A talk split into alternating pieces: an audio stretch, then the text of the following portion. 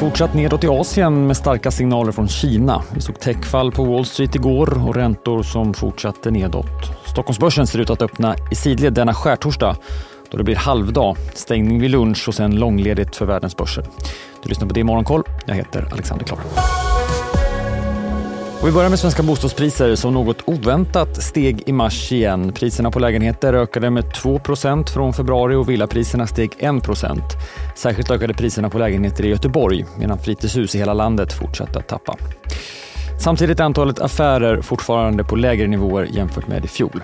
Erik Wikander som är vice vd för Svensk Fastighetsförmedling säger att även om det är något förvånande prisutveckling så kan det vara en signal om att vi nu planar ut. Vi kommer säkert ha en period framåt nu på några månader beroende på vad som händer eh, med Riksbankens kommande beslut om styrräntan.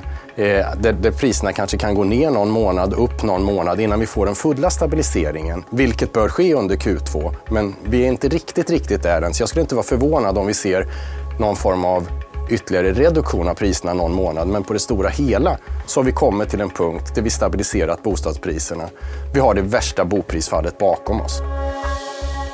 I Asien är det mestadels nedåt. Tokyobörsen fortsätter att tappa och är ner ytterligare drygt 1 Börsen i Kina backar svagt efter att vi fått kinesiskt tjänste-PMI som steg kraftigt och oväntat upp från 55 i februari till 57,8 för mars, vilket är den högsta nivån sedan november 2020.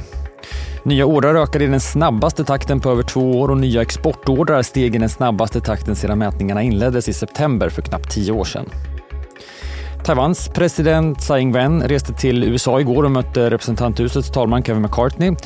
Det drar en del uppmärksamhet i asiatisk press och det rapporteras om att kinesiska flottan rört sig nära Taiwans gräns som en ytterligare markering. Och så kan vi notera att Indiens centralbank lämnade räntan oförändrad på 6,5 procent Men marknaden hade gissat på en höjning med 25 punkter. Wall Street roterade igår in i mer defensiva placeringar. Tech hade det tufft och Nasdaq backade 1 medan S&P 500 stängde ner 0,3% Även en del bankaktier backade. Den mindre banken Western Alliance föll över 10% på oro kring kraftiga uttag. Bank vi är specialister på det vi gör, precis som du. Därför försäkrar vi på Swedea bara småföretag, som ditt. För oss är små företag alltid större än stora och vår företagsförsäkring anpassar sig helt efter firmans förutsättningar. Gå in på swedea.se företag och jämför själv. Det kom en uppdatering igår som visar att de stora utflödena framförallt i början på mars stabiliserats. Savvy Gaming Group som ägs av den saudiska staten och som är storägare i svenska Embracer fortsätter sin förvärvsresa och köper det amerikanska mobilspelsbolaget Scopely. Affären är värd motsvarande 51 miljarder kronor, skriver Bloomberg. Sverige så igen. Krisdrabbade SAS inleder nu sin kapitalrunda som en del av sin räddningsplan, något man flaggat för tidigare.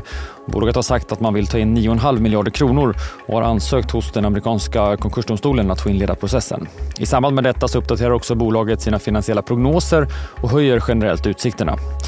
För räkenskapsåret 22-23 räknar SAS med att intäkterna kommer att överstiga 40 miljarder kronor och återgå till nivåer före covid-pandemin under nästa räkenskapsår, vilket är ett år tidigare än de tidigare prognoserna. Och för räkenskapsåret 25-26 förväntas intäkterna nu uppgå till 58 miljarder kronor jämfört med 49 miljarder kronor i de prognoserna som bolaget lämnade i höstas.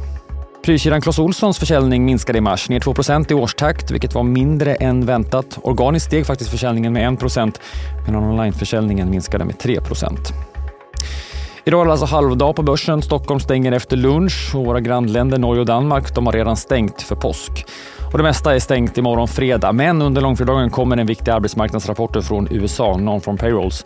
Förväntan ligger på att antalet sysselsatta ska öka med ungefär 240 000 personer, ner något från månaden innan då ökningen var över 300 000 och arbetslösheten väntas ligga kvar på 3,6 procent. Ett viktigt utfall såklart för den amerikanska centralbankens kommande räntebesked.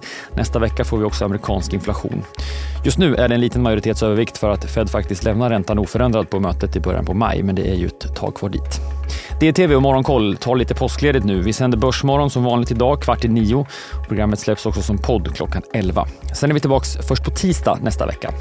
Tills dess, missa inte DIs övriga poddar. Det finns till exempel ett nytt avsnitt av Makrorådet där Olof Manner gästar och tycker det är hög tid för Riksbanken att börja köpa svenska kronor för att stötta kursen. Vi kan ju avslutningsvis notera att kronan tappat igen de senaste dagarna och står i knappt 10,43 mot dollarn och en euro kostar 11,36. Du hittar podden på sajten eller i din poddspelare. Jag heter Alexander Klar och nu återstår bara att önska glad påsk.